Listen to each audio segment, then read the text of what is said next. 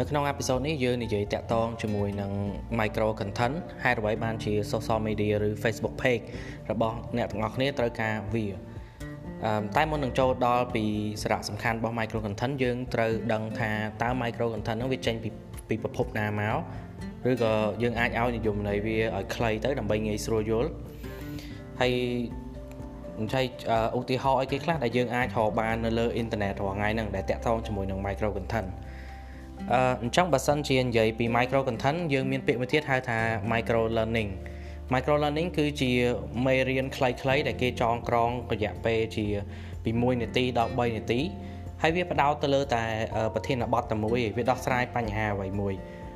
ហើយ micro learning ហ្នឹងពេញនិយមមែនតើនៅប្រទេសគេសម្រាប់បុគ្គលិកជំនាញផ្សេងផ្សេងគេអភិវឌ្ឍជំនាញគេគេអត់មានពេលទៅអង្គុយរៀន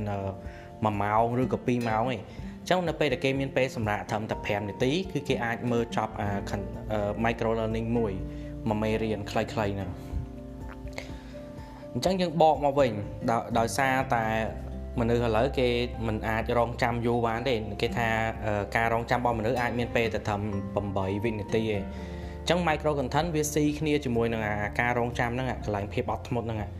ចឹងបើសិនជា content របស់យើងវែងខ្លាំងពេកឧទាហរណ៍ថាត្រូវការចំណាយពេលរហូតដល់ទៅ 3នាទីឬក៏5នាទីដើម្បីអានឬដើម្បីមើលអញ្ចឹងគេអូសចោលហើយគេអូសតតទៀតហើយអញ្ចឹង micro content យើងឲ្យយំនៃវាមកគឺជា content ទាំង lain ណាដែលអឺ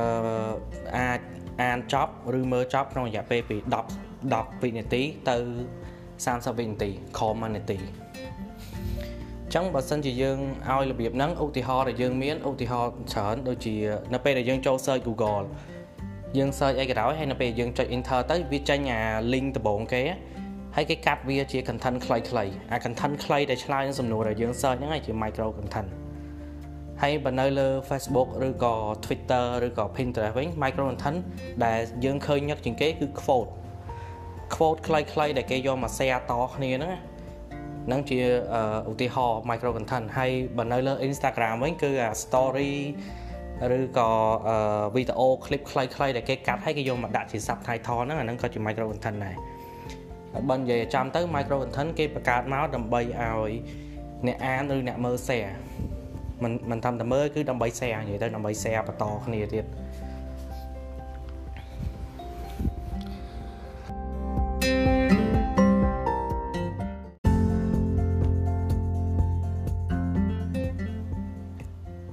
ឡូវបន្ទាប់ពីយើងដឹងពីនិយមន័យរបស់ micro content ហើយដឹងពីឧទាហរណ៍វាហើយយើងចូលមកមើលពីសារៈសំខាន់របស់វាវិញអញ្ចឹងសារៈសំខាន់ធំធំ3របស់ micro content មានដូចជា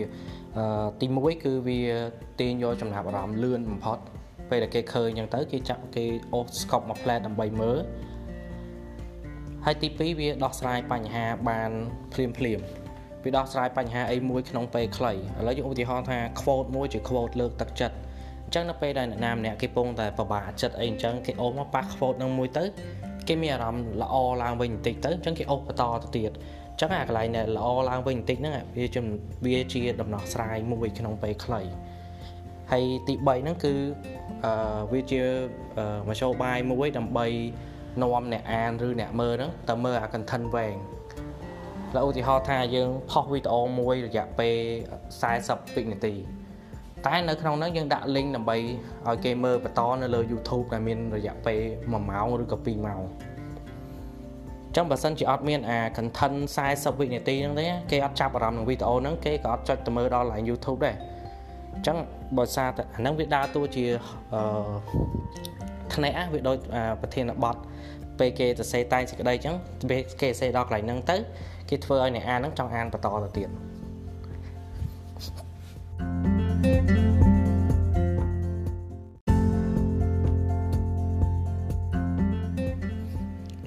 យើងដឹងពីនិយមន័យរបស់ micro content ហើយយើងដឹងពីសារៈប្រយោជន៍របស់វា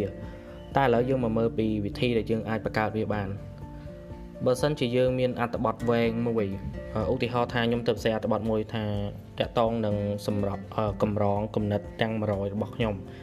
អញ្ចឹងនៅក្នុងនោះវាមាន100គំនិតអញ្ចឹងបើសិនជាយកមកបង្កើតជា micro content គឺវាបាន100 micro content អញ្ចឹង content ធំមួយដែលជាអត្ថបទហ្នឹងអាចចែកជា content ទូចៗបាន100 ហើយបើសិនជាយើងមានវីដេអូរយៈពេល1ម៉ោងវីដេអូសម្ភាសក៏បានវីដេអូអីក៏បានដែរប៉ុន្តែនៅក្នុងវីដេអូនោះមានចំណុចទូចទូចដែលយើងអាចអាចកាត់ clip នឹងខ្លីៗបានណាអញ្ចឹងក្នុងវីដេអូវាអាចបានទៅ10ឬបើសិនជាយើងនិយាយច្រើនប្រធានបទវាអាចបានច្រើនជាងនឹងទៀតតែបើសិនជាយើងអត់អត់ដែលមាន content វែងសោះហើយយើងតាមបង្កើតវា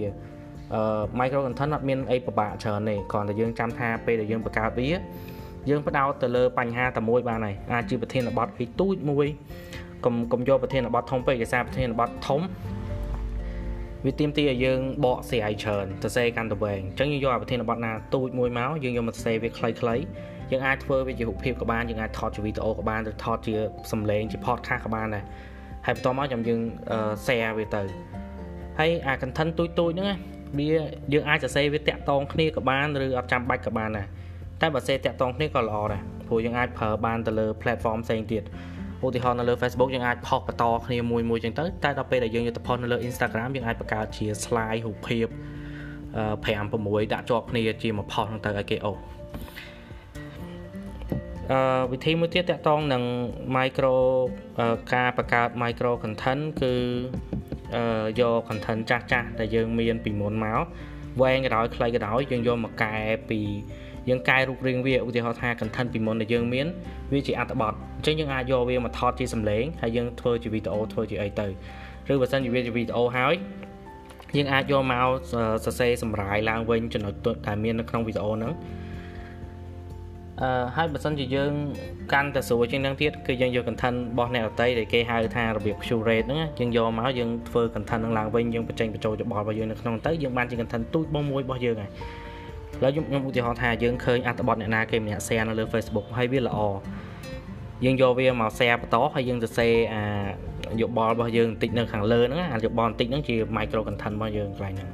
យើងអត់ប៉ះពាល់អត្ថបទរបស់គេយើងគ្រាន់តែបញ្ចេញយោបល់យើងតាក់ទងជាមួយនឹងប្រធានបទដែលគេលើកឡើងមកហ្នឹង